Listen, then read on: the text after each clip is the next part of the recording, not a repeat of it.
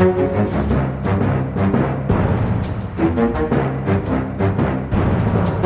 fint. Da er det torsdag igjen. Vi sitter her i studio. Eh, tre av oss. Trine måtte reise til Bergen denne uken, men vi er på plass. Kjetil Astheim, god dag, god dag. God dag, god dag, Lars. Sara. Hei.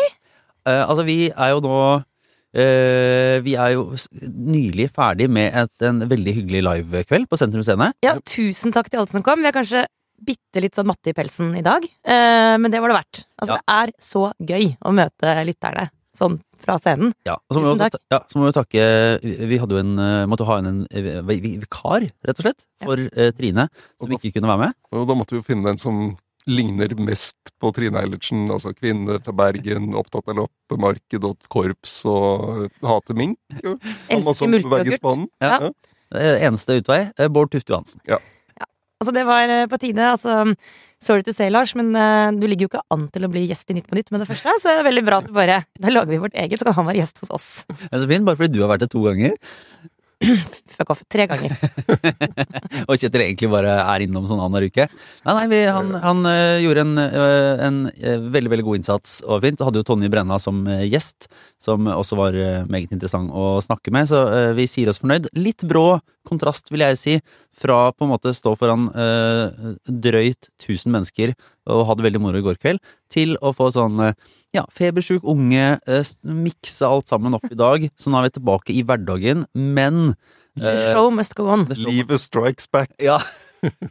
Men da kan vi i hvert fall glede oss over en særdeles god uke, vil jeg si. For her er det egentlig et, eh, et godt lite koldtbord, et julebord å plukke saker fra. Vi får jo starte Skal vi si starte eh, stort, og så avslutter vi veldig smått. Er det er det, det som er greia? God plan. Ja. Det høres ut som en plan. Jeg er veldig spent på hvor dette bærer. Nei, uh, ja, det, det, får vi, det får vi se. Men uh, For du er jo nå tilbake, Kjetil. Du var jo sist på en sånn influensertur ned til Dubai. Ja. Eh, Hvordan gikk det? Nei, det, det var jo da COP28, som det heter, i i de, det årlige møtet i klimaforhandlingene. Og Bare si en gang til hvorfor det heter COP igjen. Det er Conference of the Parties, Ja, det det. altså konferanse for de som er parter til klimakonvensjonen. Eh, og så er møtet i år er eh, et av de viktigere møtene, fordi nå skal landene gjøre opp status. Hvordan ligger verden an med tanke på de målene som ble satt i Paris i 2015 om å stanse eh, oppvarmingen godt under to grader, helst på 1,5. Hvordan ligger vi an? Er det, er det godt? Hva tror du? Nei, jeg har en mistanke om at det ikke ligger så veldig godt an. Ja, altså, det er riktig. Men, men det som Så man kan se veldig mørkt på det, altså. Det er veldig lett å se mørkt på det. Men det som også er viktig her, er at verden ligger bedre an nå enn den gjorde i 2015. På å, altså det, det, sant? det er skjedd ting siden 2015 som gjør at eh, som avstanden til, til eh, godt under to grader og 1,5 grad er, er blitt mindre. Men Men- du, ok, dette, det her er litt sånn er det, er det sånn? Ja da, eh, det er sånn. Så I Paris så snakket man om eh, tre og, og sånt grader. Nå er, det, nå er det under tre det man eh, går mot. Men det er altfor høyt, altså. Så det går for sakte. Men det er det, det, er de jobber med nå. Og og de klimakonferansene er jo blitt Altså, de er blitt en slags sånn global Arendalsuka for klima. og, og det er ekstremt mye mennesker der. Og det man kan som eh, Så Sofie Marhaug i Rødt så hun skulle ikke dra fordi energi- og miljøkomiteen fra Stortinget skal ned dit. Og hun sa nei, vi skal ikke dra, det skjer ikke der. Men det er, det er eh, og man kan godt se det sånn, et digert sirkus og masse næringsliv og masse organisasjoner og sånn. Men eh, egentlig viser det at alle disse ulike gruppene er nødt til å forholde seg til det klimaproblemet.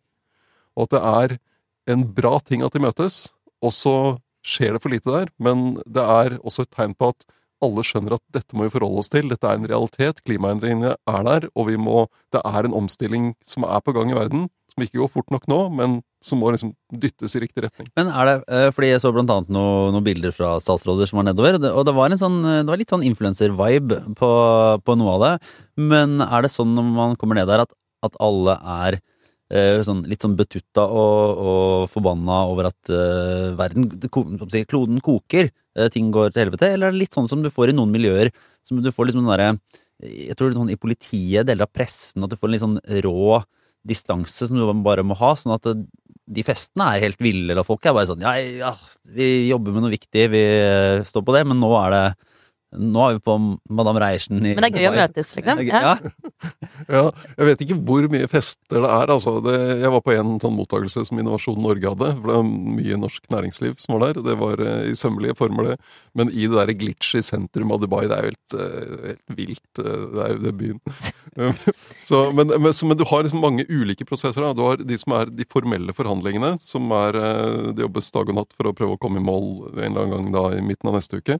Og så har du er det som et sånn treffpunkt både mellom politikere og næringsliv og sånn, så det skjer liksom på mange ulike nivåer der. Mm. Så kan vi jo komme, jeg tror vi kanskje kan komme med en liten sånn tilsvarsrunde fra, fra sist, fordi da var vi jo inne på at, at BBC rapporterte at denne, mm, som vel er liksom eh, olje- og klimaminister i Dubai eller et eller annet sånt, eh, altså i Emiratene, eh, det ble jo påstått at han og drev, det var liksom på, i lobbyprogrammet. Ja, solgte litt olje i- Ja, i tillegg ja. til å forhandle litt klima. Ordne Ja. litt sånn dealer på Han mente at det var en han, Jeg tror ikke han avviste det helt sånn eksplisitt, men han mente det var en skittpakke at dette kom nå.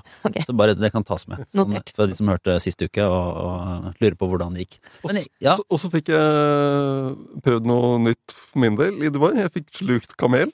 Å, se her. Og det er ikke så ille som eh, man skal ha det til. Jeg spiste kamelburger nede i Dubai sentrum. Altså, nå blir jeg dessverre litt sånn norsk, på en måte. Eller sånn, jeg bare, er, det, er, det, um, er det sett på som en Er det en vanlig ting å spise, eller er det på en måte et, en uh, kuriosa-ting der de liksom spiller på en sånn kamel, orientalisme? Kamel er jo noe man kan spise. Eh, Og kamelmelk kan man bruke og sånn. Eh, Men eh, hvor vanlig det er å lage burger av det, det må jeg si. Det var mer en sånn eh, gimmick for den eh, restauranten, kanskje. Men eh, det var eh, helt, helt greit, det, altså. Ja, og det er jo selvfølgelig, eh, helt sikkert ikke tilfeldig, en veldig veldig smidig overgang til, eh, til neste tema. Eh, fordi nå har jo etter tre uker, var det vel, med forhandlinger mellom regjeringspartiene Arbeiderpartiet og Senterpartiet eh, på den ene siden, og, og støttepartiet, konstruktive, mer eller mindre, Mm. opposisjonspartiet SV eh, på den andre siden. De har sittet sammen og prøvd å, å få seg et flertall for et statsbudsjett for neste år. Nå i helgen så kom de i mål, eh, stilte opp Fant noen milliarder.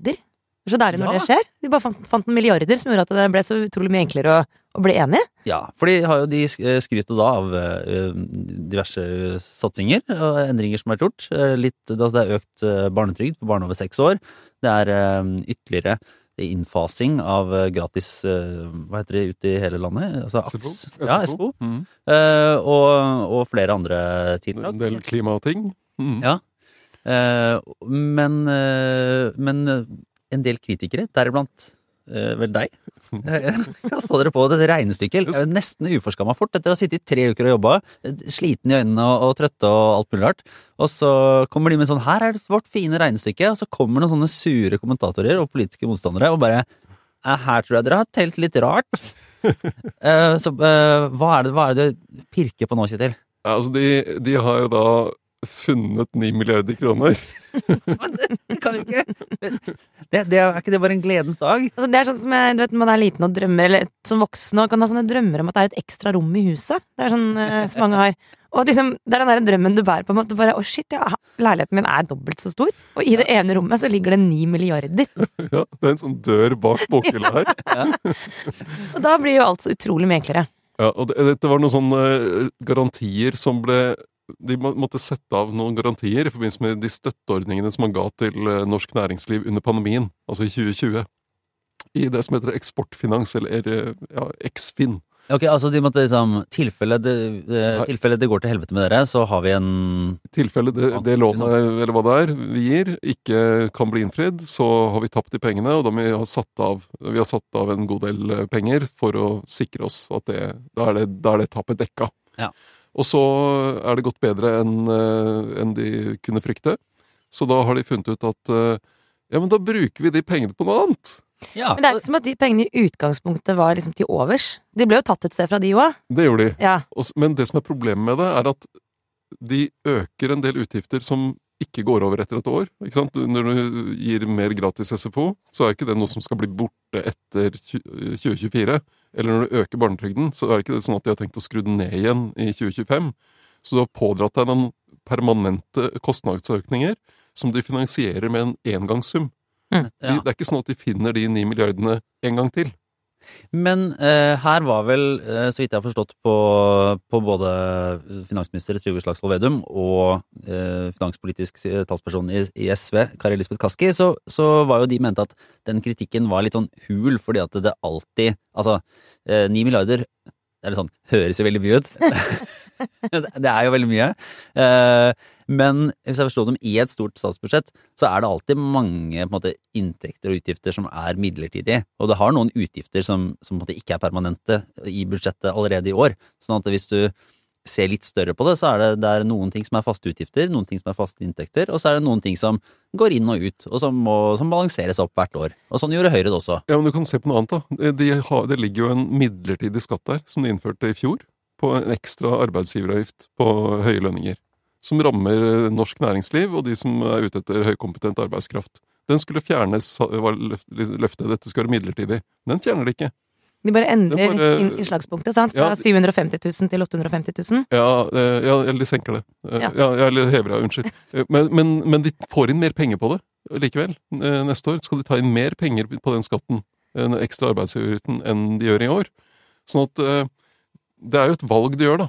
De, de, hvis de skal fjerne den midlertidige skatten, så skal de ha penger til det i 2025. Mm. Så det, det er liksom hvordan du, hvordan du, hva, hva du på, De kan gjerne si altså, Kaski og Vedum har et poeng. Det er jo sånn at det dukker opp plutselig kan du hente inn et ekstra utbytte fra Statkraft, sånn som de har gjort nå tidligere, for å finansiere sånne forlik. Mm. Men, men, problemet deres er at de bygger opp en stadig høyere offentlige utgifter mm. hvert år, som skal finansieres. Og så er det jo et prinsipp at du skal, altså, hvordan du finansierer, selv om det er riktig at du kan flytte på mange, mange, mange milliarder, så er det noe med at du må ha en eller annen eh, Det er forskjell på å bare desperat skaffe seg penger fra et eller annet sted, og det å på en måte dekke inn utgiftene gjennom drift, da. Sant? Et driftsbudsjett, at du vet at dette er balanse mellom kostnader og inntekter over tid. Dette er jo helt sånn basic. Det er klart, det blir jo helt reelt uforutsigbart uh, når det gjøres på den måten det gjøres nå, og mest sannsynlig så blir det hvis vi skal være litt strenge med dem, for lett å bli enige om å, om å bruke for mye penger. Mm. Men, eh, dette, men det her er jo en kritikk som som har kommet jevnlig Altså, det er på en måte norske politikere gjør dette på et eller annet vis hele veien, ikke sant? Altså, Erna Solberg eh, de smurte det med oljepenger, kanskje litt, med litt mindre skam enn det som har blitt fokus nå. La på litt. Og da var jo kritikken egentlig det samme, ikke sant? Man, man legger på litt her, legger på litt der. Så, så, i hvilken grad er det liksom kommentatorenes store kamp for å Eller jeg skal bare erkjenne at sånn er systemet? Det er dette vi driver med i Norge? Ja, problemet, problemet er jo at uh, både denne regjeringen og forrige regjering har sagt at dette blir vanskeligere fremover. Ja. Så du, du, skaper et problem som uh, Du bare øker det problemet som de begge de to regjeringene har sagt at det, kom, det kommer til å bli vanskeligere å få finansiert budsjettene. Og det, hvis, du skal, hvis, du vet at det blir vanskeligere å betale regningene fremover, så er jo ikke svaret på det å pådra deg enda høyere utgifter og finansiere det med sånn litt sånn, Oi, her hadde du ni milliarder! Men det som jo eh, også prega den eh, budsjetthøsten her, er jo Det var lite drama. Eh, som sagt, hjelper å finne de pengene, men det har ikke vært noen sånn følelse av at det har vært sånn Og nå er vi på grensen til Nå kan det bli brudd, og nå blir det krise. Altså den, det spenningsnivået har på en måte ikke vært der. Så det er jo tre eh, hva skal vi kalle det for noen parter her som er ganske sånn De virker de er ganske godt trent i å være Altså SV er ganske, blitt ganske godt trent nå. Så det blir jo ikke den derre symbolske Det blir ikke så mye sånn Altså, Vi er veldig langt ifra å demonstrere på, på gresset utenfor Stortinget, på en måte. Ja, altså, eh, I uh, forrige borgerlige samarbeidet med, med, fire partier, så var det jo også Virka som det var mer et spørsmål om på en måte noen ville mer eller mindre liksom feller regjeringen ja, altså, det var det jo nesten Hvert eneste år så var det jo nesten ja. et eh, sånn eh, drama rundt liksom, kommer de faktisk i havn.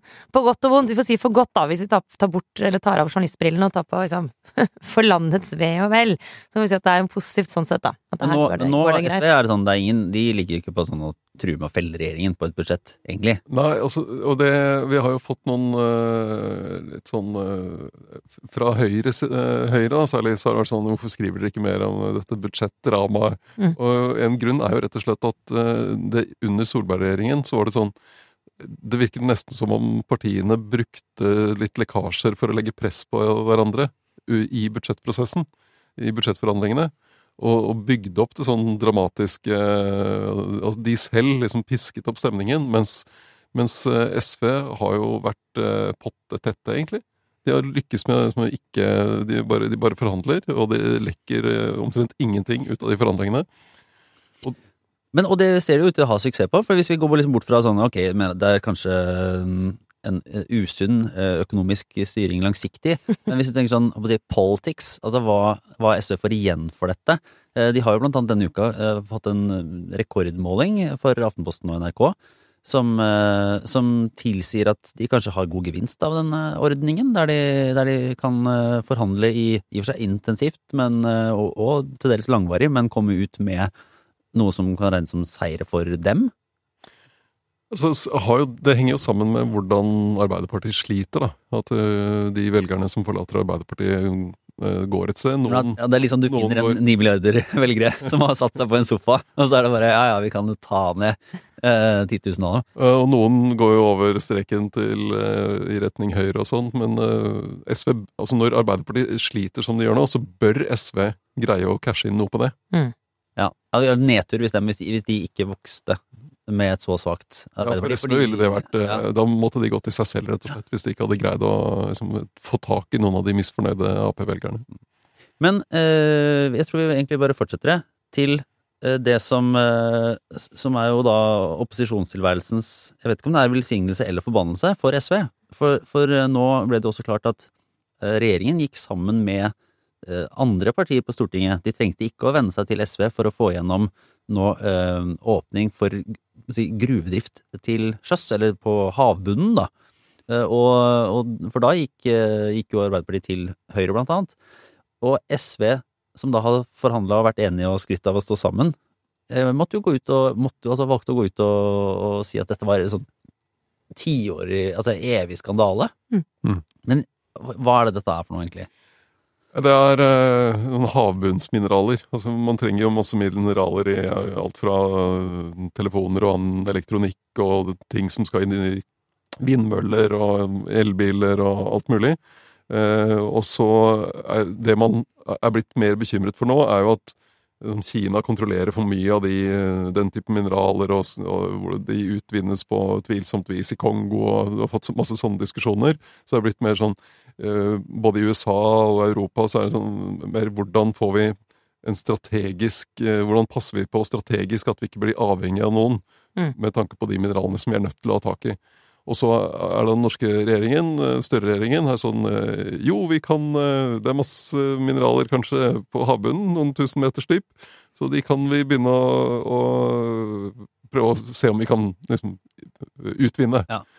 Og det er ekstremt omstridt eh, pga. miljøhensyn. Fordi altså, Miljødirektoratet er, er dønn imot og sier at her vet vi altfor lite om konsekvensene for naturmangfold og livet i havet og sånn. Eh, og det flertallet, eh, med Arbeiderpartiet, Senterpartiet, Høyre og Fremskrittspartiet, innrømmer at de vet for lite. Men de vil likevel gjerne sjekke ut mulighetene, ikke sant? For det er ikke, det er ikke tatt noen beslutning om å gjøre det, men å gå inn i å undersøke hvorvidt det er mulig. Er vi der? Det, nei, de, de tar det Du kunne sagt at nå vil vi, vi vil vite mer. Ja. Eh, Her må det forskes mer. Det kunne de sagt. Men det de, i stedet så sier de vi åpner for Vi kjører på! Vi, Ja, okay. ja, vi åpner for å gi utvinningstillatelser. Ja. Eh, Men hvis et selskap får da en sånn tillatelse, så skal det være masse miljøkrav, og så skal de få lov til å lete. Og så, hvis de finner noe og sier 'dette vil vi utvinne', så blir det en egen beslutning, og den skal til Stortinget. Ok. Så det er en slags sikkerhetsventil, da. Man kan ombestemme seg, på en måte. Ja, Man kan ombestemme seg, men det som er, det som er problemet, risikoen med det, da, er at når du sier at uh, dette selskapet skal uh, få lov til å lete etter mineraler her, og eventuelt få utvinne, og så bruker de masse penger på å gjøre det du, du blir litt sånn Du, du litt deg ja, Det da å komme og si 'nei, dere får ikke lov likevel', du har, du har liksom fått en terskel der for å si nei, da. Men det er jo interessant den der, det derre skiftet også i hvordan man ser på global handel. Eh, og den eh, Man kan velge mange forskjellige ord om det, men den naiviteten, kanskje, da, som prega i stor grad også Arbeiderpartiet og norsk politikk, og Høyre også. Altså, sånn, dette som Jens Stoltenberg blant annet snakket om da han var gjest eh, på livepod hos oss eh, tidligere i år.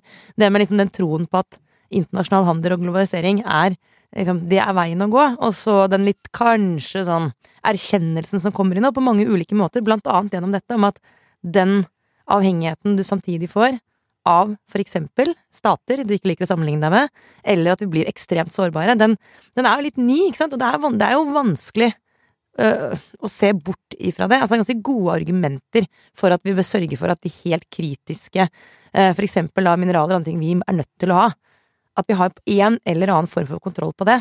Jeg syns ikke det er liksom jeg synes ikke Det akkurat er kommet, altså det er lett å forstå. Og så vet vi jo ikke hva det vil bety. Hvis du utrydder fisken i havet, liksom, så skjønner jeg at det er et problem også. Men, Ja. ja, men det er liksom ikke, det er ikke, jeg syns ikke det er en enkel Det er ikke en enkel sak å ta stilling til. Nei, kan, ja, men kan, ikke, kan, kan du hjelpe oss, Kjetil? Har du tatt stilling til dette? Ja, jeg mener de, de, de tar det ett skritt for langt. Ved nettopp fordi du, når du gir en sånn tillatelse, så, så blir det veldig vanskelig å si nei i neste omgang. Ja. Eh, Men, eh, men jeg mener det blir feil å si eh, nei, helt nei. Altså Du må finne ut er det, noen, er det mulig å gjøre dette på eh, forsvarlig vis.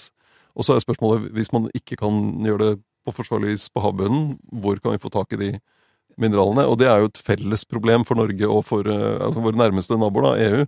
EU jobber jo også med en sånn mineralstrategi. De er, der er det ekstremt stor, høy skepsis til uh, havbunnsutvinning. Ja. Er det altså av, av eh, miljøhensyn, eller av sånn Av miljøhensyn. Bare, ja. Så, men da må man jo finne ut ok, hvor kan vi få tak i det da. Og det er jo ikke sånn at gruvedrift på land heller er uh, uomstridt. Uh, vi saken om, uh, om Førdefjorden, der man driver og dumper gruveslam. Mm, Det, det, Det er bra, altså det er sånn der, nå er ene, På den ene sida så skal vi mer eller mindre verne, eller i hvert fall forby utbygging av liksom all myr Ja. i hele Norge. Ja. Og så andre skal bare harve opp. Nei, men det er jo sånn, ja, gruve langt Altså, jeg bare, dette, altså, helt uten grunnleggende eller særlig inngående kunnskap om myr, så bare, jeg kjenner noen ganger på sånn Jeg orker ikke Altså, jeg er for å verne verdifulle ting, men jeg bare kjente på den myrgreia. kjente jeg sånn Nei, herregud. myr, Myr. myr er kjempeviktig. Ja, ja, det er sikkert det, altså. Det er bare, jeg føler liksom sånn nei, Hvis det er noe vi må Ja ofre til vern av myr. Men det Myr, det mest irriterende. Altså, myr, jeg, tenker, jeg blir bare våt på beina mentalt av å tenke på myr. Jeg er ikke altså, okay. Jeg kjøper det, dette vet du mer med meg, Kjetil, men ok, så vi må verne myr. Vi må verne myr. noen må stå opp for de ja, stemmeløse. Også de, liksom, de, de styggeste dyrene må også vernes. Eh, Men nå er det myr og havbunn. Sånn, ja, Myr og fuckings havbunn. Ja, Greit. Men, så, det er jo konflikter rundt sånne naturinngrep overalt. Altså, men, eh, men med sånne havbunnsmineraler så blir det veldig vanskelig for Naturungdom å lenke seg fast. da. Ja.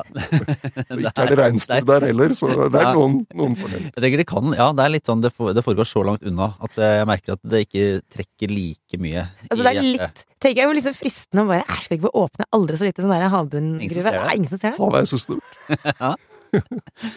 Eh, nei, nei, nei, men vi, vi, vi går videre til uh, Det har blitt litt sånn Jeg, jeg merker at vi, mulig at vi var litt tidlig ute med den faste posten. Uh, skal Guri Melby bli statsministerkandidat? Derfor det er litt vanskelig å finne noe å fylle den med hver uke. ja. Så nå, og det, Jeg har heller ikke forberedt det veldig godt akkurat nå, merket jeg. Men er det noe nytt på den fronten? Nei. Nei. Nei, men da, det, Vi kan være sånn som de nettsidene som er sånn Har Guri Melby blitt borgerlig statsministerkandidat? Ja, nei? Nei. Nei. Fortsatt ikke. Uh, så det ser. Men det her er Det foregår jo andre ting blant små partier. Ja, og endelig for de av oss som var uh, veldig opptatt av at det også var fylkestingsvalg. Ja. Det var jo veldig få. Det var jo en her, eh, kan, kan få lov til å være anonym, som faktisk i går sa setningen 'Vi har hatt et veldig spennende fylkestingvalg I Moss. i Moss'. Omvalg. Omvalg! Og det er jo på en måte Det er en veldig liten gruppe mennesker, men eh, som bare forstår den setningen. Ja. For det er egentlig en umulig setning. En slags selvmotsigende setning. Ja, Også, og, og bare før, før folk noe sånn kollektivt uh, begår et sånn eh, podkastavbrudd. Det er fordi at det er et interessant politisk drama. Nå har det våkna til. Ja. For nå er jo da mikropartiet som prøver å bli et miniparti som, som plutselig kan få innflytelse, altså Industri- og Næringspartiet, um, de gjør det jo fortsatt godt på de store nasjonale måling- meningsmålingene. Det er Og- sjokkerende godt. Ja, og ikke minst, de gjorde det ekstra godt i uh, omvalget i Moss. Ja. Og det ga et fylkestingsdrama uten like, og, og det ser vi nå sprer seg rundt om i landet. Så eh, ok, vi skal prøve å forklare. Vi må først forklare hvorfor det var omvalg i Moss. Ja, det var fordi at noen hadde glemt Det var ett stemmelokale hvor det mangla eh, INP-stemmesedler. Ja. Eh, rett og slett. Så det, de, potensielt så kunne de fått 100% av stemmene der. Det fikk jo fikk de null. Så det, og det tror jeg bare var ett jeg tror bare det var ett stemmelokale, Ja. men det er nok til at eh, da ble valget kjent, eh, altså nå i kommunevalget, da, og fylkesting. Never forget. Ja. Fylkestingvalget. Bare fylkestingsvalget. Så akkurat fylkes, fyl, det var fylkestingsvalget i Moss, hvor det var ett stemmelokale som Ja. manglet sedler. Alt måtte velges på nytt. Og da eh, vippet dette regnestykket i hele Østfold. Eh, ga INP ikke bare én, som de hadde, men to eh, representanter i fylkestinget. Mm. Og da, ly, altså, da så jo alt veldig, veldig lyst ut for INP. Det gjorde det. Eh, Og så gikk det over. Fordi altså, dette er lokalpolitikken, eller, eller fylkespolitikkens altså, absolutte magi. Fordi eh, forhandlinger om makt og posisjoner og alt mulig rart Det er Tommyball. Ja, og ikke minst sånn den gamle vitsen om i og for seg Venstre. Sånn, I et rom var det? I et eh, rom med to venstrefolk er det minst eh, tre meninger. Eller, altså, det er liksom, her, i når det plutselig ble to IMP-ere, så var det ikke så lett likevel. Ja, fordi han som da kom inn som nummer to, var en tidligere Senterpartipolitiker som hadde meldt overgang til Industri- og Næringspartiet. Og så bestemte Industri- og Næringspartiet seg da for i Østfold at de skulle eh, gi, forhandle med borgerlig side om eh, makt i Østfold. Altså, dette hadde de gjort eh, fra, si, fra valgkvelden av, mer eller mindre. Og Da, de hadde én. og så, og så kommer da denne fyren nye inn, som har bakgrunn fra Senterpartiet, og er uenig i det retningsvalget, og melder seg ut av INP og tilbake igjen i Senterpartiet, og dermed blir det Arbeiderparti-ordfører. Så alle de som da har stemt på IMP, har egentlig stemt på Senterpartiet. Uten Ja. å vite det. Mm. De fikk Er det lov, liksom? Så de får mindre, uh, mindre INP-politikk etter å ha dobla oppslutningen, altså, oppslut, altså representasjonen sin i Østfold. Så det, det, er, det er ikke lett. Og i Trøndelag så er det heller ikke så mye enklere. Altså, det er jo også helt eh, Det er jo samme type kaos, da. Det er det eneste Ja. som er litt orden i dette her. Jeg tror, øh, Å gjengi det er ikke så veldig lett, men vi kan jo anbefale Snorre Valen. Ja, så Snorre Valen, eh, redaktør i Trønderdebatt, eh, har skrevet en kommentar som heter 'Velkommen til Trøndelag, Norges Italia'. eh, Hvor han går gjennom kaoset i fylkes... Det er fylkestinget der òg, ikke sant? Mm. I Trøndelag. eh, Som er veldig morsomt skrevet, eh, og som da forklarer også hvordan makten, bare på grunn av IMP, plutselig skiftet fra den ene til den andre siden. Helt sånn uforvarende. Skal vi prøve en kortversjon? Ja, Ja. du må gjerne prøve, Kjetil. Eh, Industri- og Næringspartiet eh, støttet borgerlig side i valget av fylkesordfører. For da lagde man en sånn eh, en borgerlig blokk. Tenkte at da får de ordføreren, og de kan styre budsjettene. Og Høyre, for å få til denne blokken, så ga de fylkesordføreren til Senterpartiet. eh, og alt var i den skjønneste orden. Til, og så det valget ble gjort. ikke sant? Fylkesordfører fra Senterpartiet. Og så skal de behandle budsjett. Men da hopper Industri- og Næringspartiet over til den motsatte siden og stemmer for budsjettet fra rød-grønn side. Eh, som da en eh, Som da denne fylkesordføreren fra Senterpartiet bare må, må styre på. Ja. Fordi da i Trøndelag er Senterpartiet ikke i rød-grønn blokk, men i den andre. Og som gjør at Høyre da har verken fått fylkesordføreren eller makt over budsjettet. Så det er tapt på alle fronter. Ja. Altså er dette talende for hvordan IMP, hvis de blir et stort parti altså de, de kan jo, sånn som det ligger an nå, det er lenge til stortingsvalget, men de kan jo i teorien komme inn på Stortinget. Eh, er hvordan skal vi liksom Altså er det da Er det liksom Er, vi da, er det hele Norge som er Italia? Er det sånn Er det en evig Havner vi da i en evig sånn derre Et evig flip-flop-spill? Eller kommer de til å liksom lære seg hvordan man liksom blokkmessig lager en forutsigbar situasjon?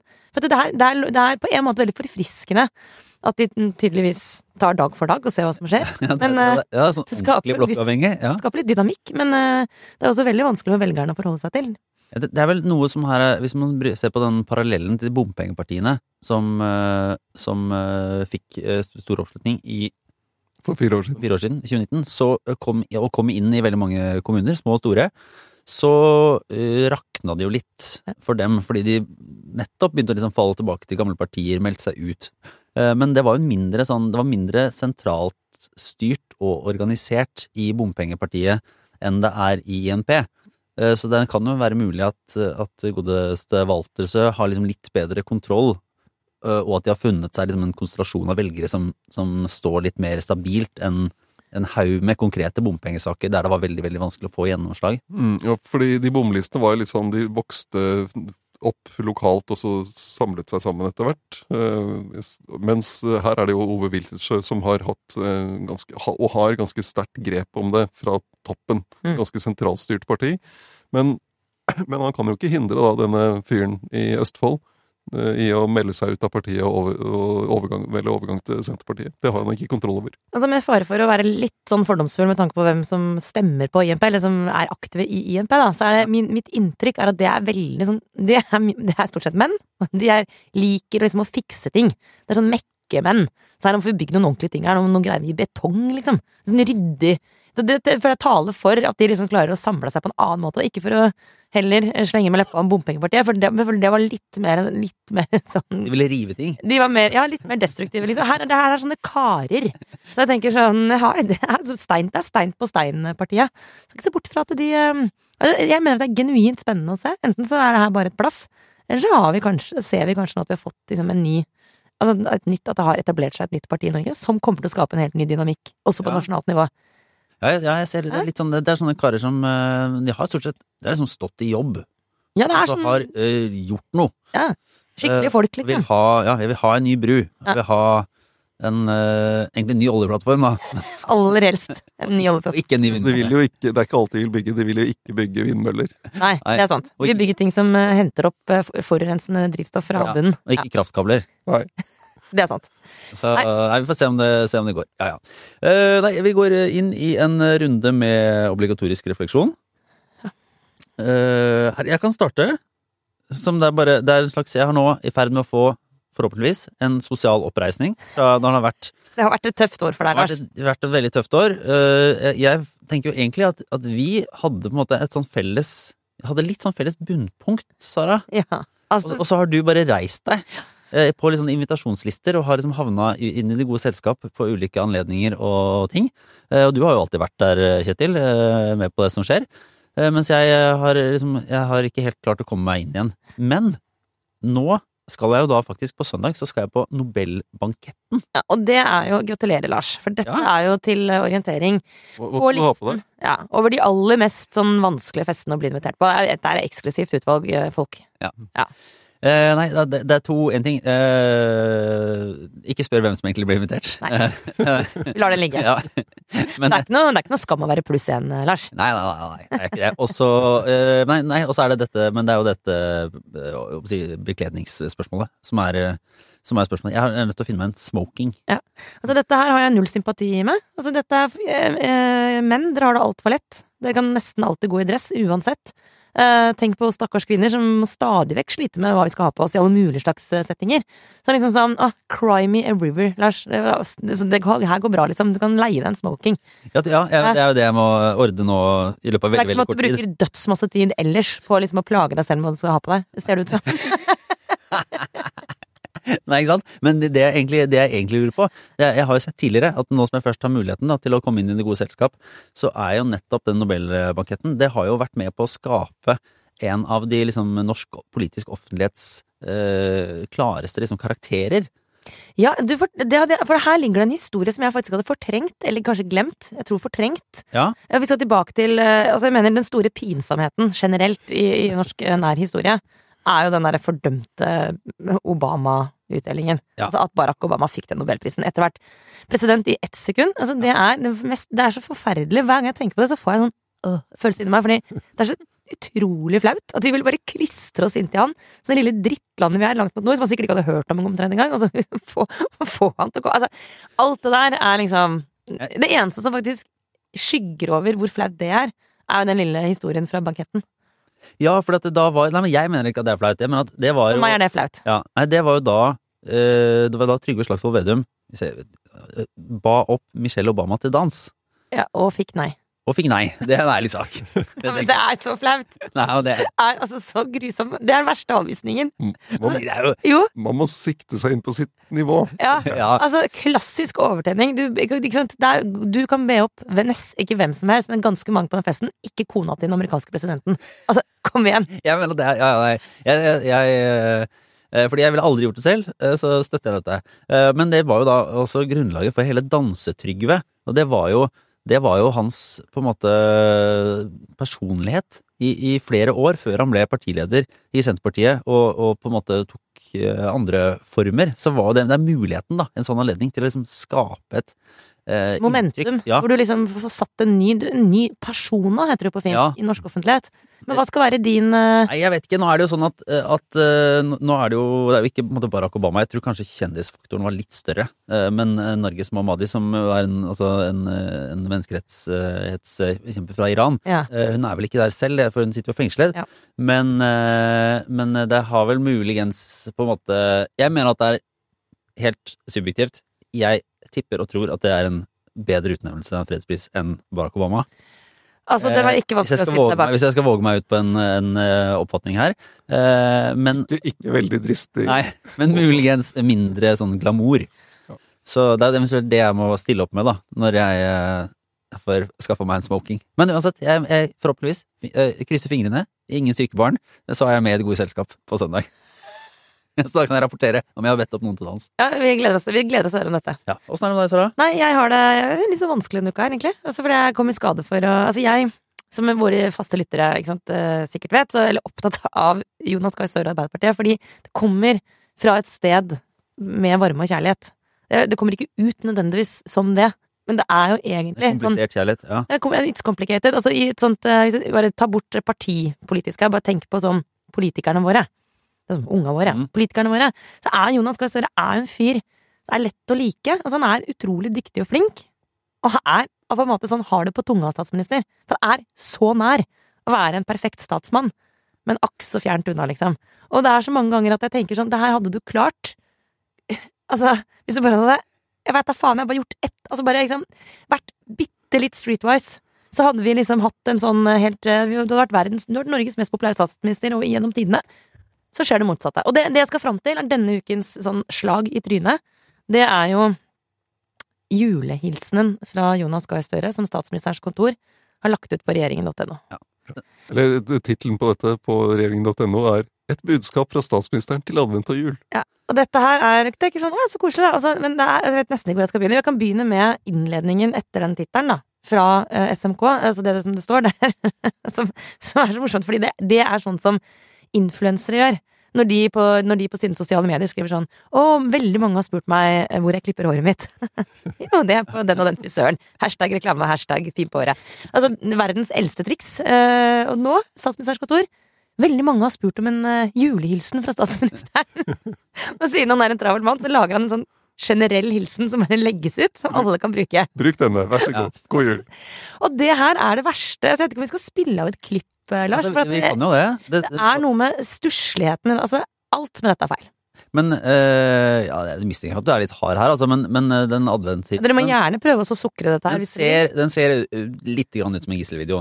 Det ser ut som jeg er tatt til fange av Taliban eh, i sånn dårlig lys, eh, og desperat sender en hilsen hjem sånn Leser opp. Please, come save me! Og det, og det er jo, de som ikke har sett videoen, han bare står der. Det er ikke noe juledekorasjoner, ikke noe stearinlys. Det er bare en sånn vegg bak, sånn pressekonferansevegg. Ja, vi, altså, vi kan jo, vi kan jo bare Og det er ingen spille. glede å spore i stemmen. Det er, ikke, det er en ræva tekst også. Det er en veldig dårlig skrevet tekst. Altså, det her er så mørkt. Nå, nå, ja. La oss høre litt. Sammen. Et sted står det skrevet at Ja. det står skrevet i stjernene. Det var i alle fall det de tre hellige konger, eller de tre vise menn, brukte som veiviser da de kom ridende på kameler fra Østen. De lette etter en helt bestemt stall i utkanten av Betlehem, som i dag er en palestinsk by på Vestbredden. Allerede her kjenner jeg at Ja. at jeg blir sur. Eh, først er det alt det jeg har sagt, og så er det i tillegg Han fyren her er en sånn fyr som han, I tillegg handler det om sånn mansplaining. Som er sånn ja, Ok, jeg veit Jeg veit hvor Betlehem ligger. Altså, sånn, skjønner du? Sånn, han kan, kan ikke dy seg. Og så er det sånn De hellige tre konger, eller De tre vise menn. Han kan ikke bare komme til poenget. Altså, det, er, det er en julehilsen. Det er ikke leksikonoppdatering på liksom fakta om juleevangeliet. Sånn, visste du at Betlehem er i Palestina i dag? Altså, det, bare, bare det, også, det er en sånn, jeg skjønner Veldig mange hvite menn i 50-60-årene har jo denne trangen til å overforklare. Jeg skjønner at det kanskje er genetisk. Eller, ja, det, var, du kan si det er som en, eh, det er en, sånn, det er en preken fra en prest der du bare ser at du ikke tror på Gud lenger. Du har liksom mista litt sånn det er, Han har jo et sånn stjernetema her. Det er jo Stjerner går igjen Liksom, I løpet av en veldig kort tale sier han stjerner elleve ganger. Ja. Og det Det, ja, det blir ja, det Men blir, hvordan skulle en løst det, Kjetil? Nei, altså, jeg lurer på om altså, Det er ingen julestemning her. Jeg tror han- De kunne lagt på det, så hvis vi spiller litt mer Ja. Den fødselen for Hei. over 2000 år siden i stallen, den skulle bli historisk. Alle reiste etter stjernene på den tiden, også sjøfolk på våre breddegrader. Ja, nordmenn var faktisk bedre enn de aller fleste til å navigere etter Det var faktisk det, vet du. altså, jeg Nå syns ikke det har vi andre metoder, men nå nærmer vi oss jul. Nei, Det er få det mørkt av. ute. Få det bort, Lars. Jeg orker ikke. Og vet du hva som er det aller verste? Jeg, jeg, jeg, I tillegg så blir jeg Jeg syns det, er- det er så Unnskyld. Det er så velment. Jeg tror det nesten er det som gjør meg aller mest sånn Jeg blir helt gæren av den videoen der. Ja, Jeg klarer ikke å la være å se på den, for jeg har sett den kanskje 50 ganger nå. Jeg bare, fordi det er så, Han er så snill, og han vil veldig gjerne sånn, Å, herregud, jeg har så lyst til å gi dere julestemning. Og så kommer du med en sånn ødelagt adventsstjerne uten lys i, og så er det sånn Men det er, da er det bedre å la være. Men det er, så, det er så trist å prøve, og så feile ja, så spektakulært. blir, du- blir du trist fordi at uh, vi har jo snakka tidligere om at folk uh, måtte tolke han i absolutt verste mening, altså sånn skinnfellbildet skinnfellbilde i påsken, på en måte, og så var det sånn du kan ikke ligge på en skinnfell fordi du fatter folk det er sånn, Nei, men det var, jeg prøvde nå egentlig bare å gi litt påskestemning. Og nå er jo du den. Jeg vet det! Sara, nå er du den som kommer med, med, med på en måte kritikken og pekefingeren, når han bare prøver å sende en hyggelig hilsen til Mm. eh, sanitetsforeninger og folk over i hele landet. Så jeg, jeg vet jeg hater meg selv for det, men det bare, det er for dårlig. Ja. Det her går ikke. Altså, de rådgiverne der, spark dem alle sammen. Skaff deg en sminkør, en stylist. Og et juletre. Et juletre. Ja, Og og Bare et juletre hadde hjulpet, altså. Et juletre. En bedre Ja. tekst, ja. Ja, og en bedre Og litt mer uh, trøkk i fremføring. Bitte litt. Ja, så hadde vi vært der, vet du. Uff, Nei, lykke til Ja. neste år, vil jeg mer si. til. Nei, Og så sånn uh, bjeller i bakgrunnen. litt bjeller i bakgrunnen. Ja, det det. Men tusen takk, statsministeren, for at du ga oss en julehilsen. Det satte vi stor pris på. Ja. Den er til oss også, så Ja, ja. Vi, vi, vi tar den imot. Åssen er det med deg, Kjetil? Eh, jeg eh, fikk et tips før jeg skulle fly hjem eh, om et album som jeg ikke hadde hørt før. fra en artist jeg bare så vidt har hørt. Ray fra Sør-London. Som ga ut et debutalbum sitt i, i våres. som fikk veldig god mottakelse, blant annet av Robert Gjestad her i Aftenposten. Så har hun da gjort det Åge Aleksandersen brukte ekstremt mange år på å få til.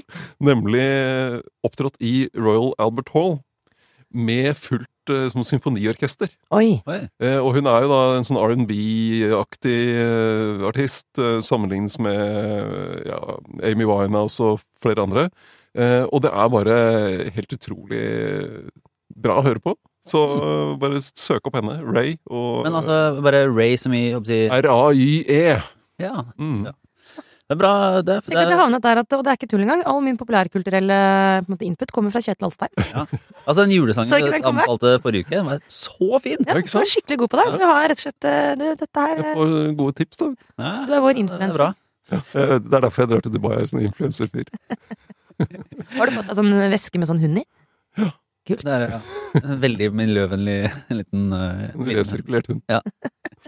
Nei, vi får si, Dette er jo også en åpen eh, utgave, så til alle dere som har kommet dere helt hit, eh, gratulerer. Og, og vit at eh, vi er eh, jo eh, faktisk ute hver uke hos Podme og i Aftenposten-appen. Så hvis man ikke har fått somla seg til å abonnere et av de to stedene, så er det bare å kjøre på da, for å få en, en eh, kvadruppel dose, eller hva det måtte bli, av, eh, av det vi har å, å levere. Ha det bra! Ha det bra! Ja. Det finnes spørsmål som ikke er så enkle å google eller chat-GPT seg fram til. Typ renta. Hvorfor må den absolutt opp, opp, opp? Finnes det ingen andre løsninger? Og kan klimakrisa overhodet løses i et demokrati? Og hvorfor straffer vi folk til fengsel selv om de ikke har gjort det med vilje? Som han vaktsjefen på fregatten Helge Ingstad. Hva er poenget? Jeg heter Marit Eriksdatter Gjelland, og i denne podkasten Dypdykk nøler jeg og kollegaene mine på tema som former tida vi lever i. Mest fordi vi bare er genuint nysgjerrige og fant ingen svar da vi googla, men også for å gi deg en helt ny innsikt og ta med til bordet neste vennepils. Sjekk ut Dypdykk i Aftenposten-appen eller hos Podme.